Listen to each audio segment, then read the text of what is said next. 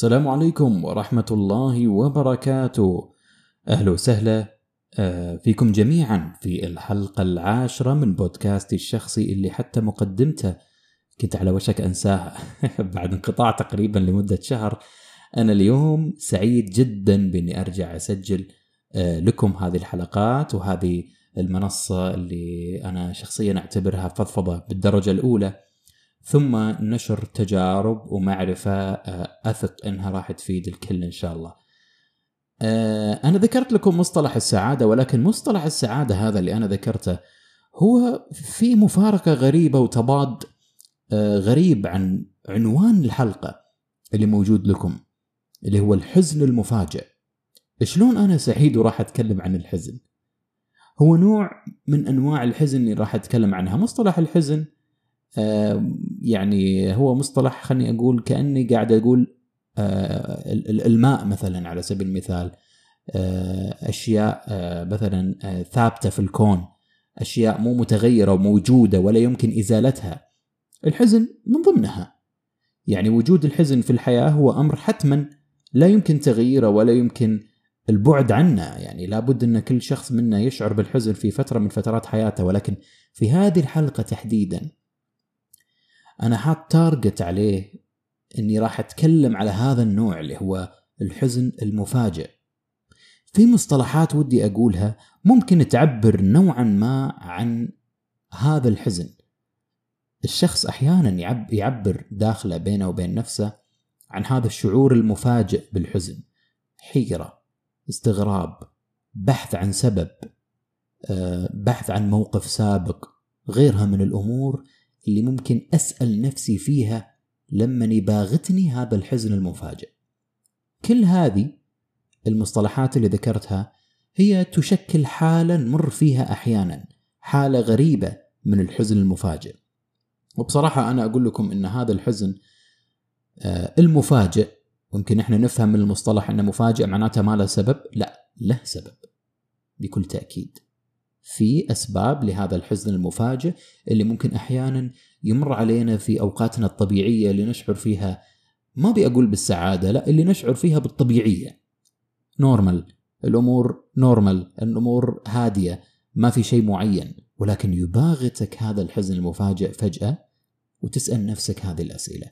هني هدفي من هذا من هذه الحلقة إني أحاول وأنتم تعرفوني طبعا أحب أحلل الأمور بشكل شبه منهجي أحيانا ولكن هذا التحليل اللي أنا أحب أسويه دائما هو فقط لفهم الأمور اللي ممكن نواجهها في حياتنا. تعالوا نفهم شنو يسوي فينا هذا النوع من الحزن، الحزن المفاجئ، أنا ما أتكلم عن الحزن اللي يكون آه، بحالة وفاة قريب لا سمح الله أو لفشل معين، هذه أمور طبيعي نحزن فيها، لا أنا قاعد أتكلم عن الحزن المفاجئ. أنا أحب أعرف الفكرة وأحب أعرف الموضوع وأحب أكون واعي فيه حتى أعرف وين المطب اللي راح يجيني وهدي سيارتي فيه علشان آخذه بشكل آه، سلس وأنتهي من المطب هذا وأكمل طريقي. هذا المثال أنا صراحة دائما أحب أمشي فيه في معظم أمور حياتي. في بعض الأعراض اللي ممكن تواجهك أثناء هذا الحزن المفاجئ اللي اللي ممكن يباغتك فجأة. سواء اضطرابات بالشهية آه، قلق أو التفكير الزايد آه، أو التفكير غير الواقعي أحيانا وتفسير بعض الأمور بطريقة غير واقعية آه، أو تشعر أحيانا كأنك وقعت في فخ الحزن ولا رجعة من هذا الفخ أو ولا وسيلة لإنقاذ نفسك من هذا الفخ خلاص حزنت وبظل حزين ليش؟ أنا مو عارف ليش شنو السبب؟ ما أعرف أحاول أتذكر مواقف بالماضي أحاول أترجم أو أبرهن وأعطي حجة لهذا الحزن المفاجئ ما ألقى في الغالب. فبالتالي أكون مستسلم في هذه الأثناء. هذه الأعراض اللي اللي اللي تكون موجودة قس عليها واحد من أقوى الأعراض أو ما بقول عرض واحد من أقوى الأمور اللي تزيد الطين آه، بله في هذه النقطة اللي هي مسألة الدين لما أحد يقول لك والله أن هذا الحزن المفاجئ جاء لأنك أنت ما تذكر الله. أو لأنك أنت مثلا آه، آه، آه، ما يعني ما تذكر ربك كثير بشكل متواصل وصلاتك أنت مقصر فيها وغيرها من الأمور. والقرآن وينك عن القرآن؟ ليش ما قريت القرآن اليوم؟ آه هذا سبب الحزن اللي أنت فيه. طبعا هذه أنا بوجهه نظري هذه كلها أمور وأسباب لا واقعية لأن الله سبحانه وتعالى أعطانا العقل هذا حتى نقدر نفكر فيه ونبرهن فيه الأمور السلبية اللي ممكن تحدث لنا ومن ضمنها الحزن المفاجئ هذا. ممكن تلقى شخص آه، يعبد الله بشكل سليم يؤدي آه، صلاته آه، يعني على الوقت ويذكر الله ويذكر أذكار الصباح وأذكار المساء ولكن يباقت هذا الحزن المفاجئ. هل أنا أقدر أقول له إن أنت والله ما ذكرت ربك ما أقدر وهل هذا له علاقة بشكل مباشر مو شرط فمسألة الدين هذه ومسألة إنه والله أنت ما ذكرت هي مسألة غير صحيحة وغير واقعية بوجهة نظري. زين شنو الحلول اللي ممكن آه تخفف من الحزن المفاجئ هذا؟ آه شنو الأشياء اللي أنا ممكن أحل فيها وأخفف فيها هذا هذا الحزن وبعدها أنا راح أعرف إيش أسبابه. أو خليني أقول من أسباب الحزن المفاجئ وفهم أسبابه هي وهي واحدة من طرق الحل حقيقة. يعني أنا ممكن يمر فيني موقف معين أنا انزعجت منه وما فضفضت بهذا الحزن أو هذا الانزعاج اللي جاني منه واحد والله آه، صار له موقف معين مثلا في آه، في عمله ولا في دراسته ولا حتى آه، راح مول معين وفي موقف انزعج منه وكتم هذا الموقف بينه وبين نفسه وما راح يعني ما بقول فضفض راح باح فيه فقط أو راح تكلم عنه أو راح أظهر انزعاجه بشكل علني تجاه الأشخاص اللي, اللي هو يعرفهم مثلا. والله اتكلم عن شيء صار اليوم يتكلم عنه و... ويذكر الأمور السلبية اللي صارت وانتهى. لا في ناس تحب تكبت وتحب ما تتكلم فهذا كله راح يترجم على هيئة حزن مفاجئ بعدين. هو نفسه ما يعرف من وين جاء هذا الحزن.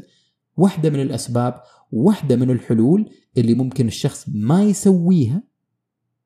إذا ما سواها راح يجي هذا الحزن اللي هي عدم الفضفضة.